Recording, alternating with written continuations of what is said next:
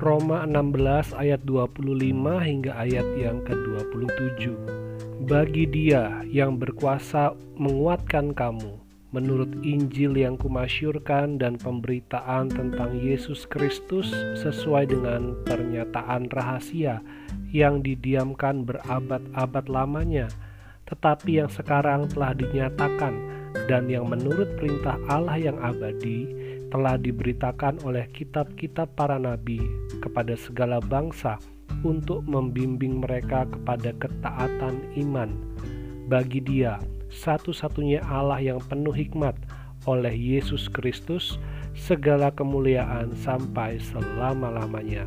Amin. Ayat yang kita baca merupakan bagian paling akhir dari surat Roma. Paulus mengawali surat Roma dengan keyakinan terhadap Injil, bahwa Injil adalah kekuatan Allah yang menyelamatkan. Dan Paulus mengakhiri surat Roma ini dengan keyakinan bahwa berita Injil yang menyelamatkan itu, berita itu pun akan menguatkan masing-masing jemaat untuk hidup di dalam kasih karunia Allah.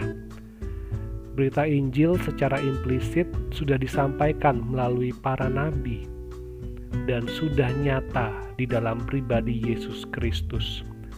Kita diselamatkan untuk menghasilkan buah ketaatan kita diselamatkan untuk menghasilkan buah kebaikan. Sebagaimana kita para nabi sudah ditujukan kepada bangsa-bangsa untuk membimbing mereka kepada ketaatan iman.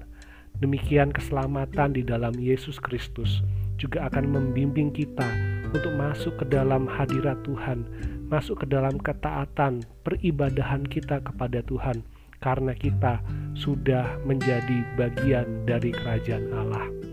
Jadi, alasan kita hidup di dalam ketaatan adalah karena berita Injil itu telah kita terima.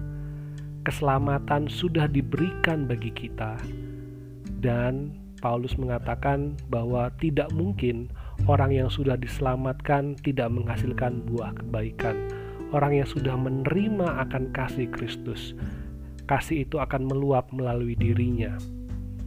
Sehingga buah dari keselamatan tentu adalah ketaatan kita kepada Allah, syukur kita kepada Allah, juga kebaikan-kebaikan kita karena Allah sudah terlebih dahulu melakukan yang terbaik bagi kita. Karena Tuhan sendirilah yang menguatkan dan memampukan kita. Di dalam keberdosaan, Tuhan datang memberikan pengampunan. Dia berkorban bagi keselamatan jiwa kita.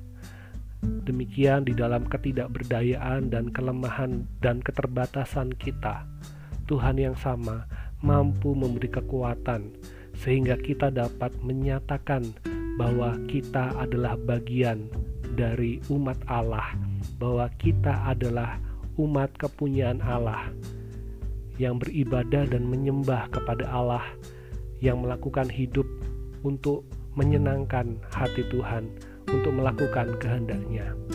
Hikmat Allah tiada yang dapat menyelami, tetapi sejauh apa yang kita alami sampai hari ini, kita melihat akan keselamatan yang dianugerahkannya pada kita.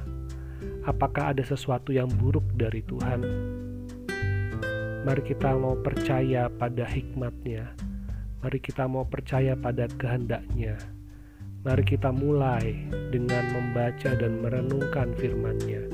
Mari kita beritakan Injilnya dan biarlah kehidupan kita secara keseluruhan menjadi kehidupan yang menyatakan Allah yang benar. Allah yang datang untuk menyelamatkan yang terhilang, untuk memberikan pengampunan bagi orang-orang berdosa.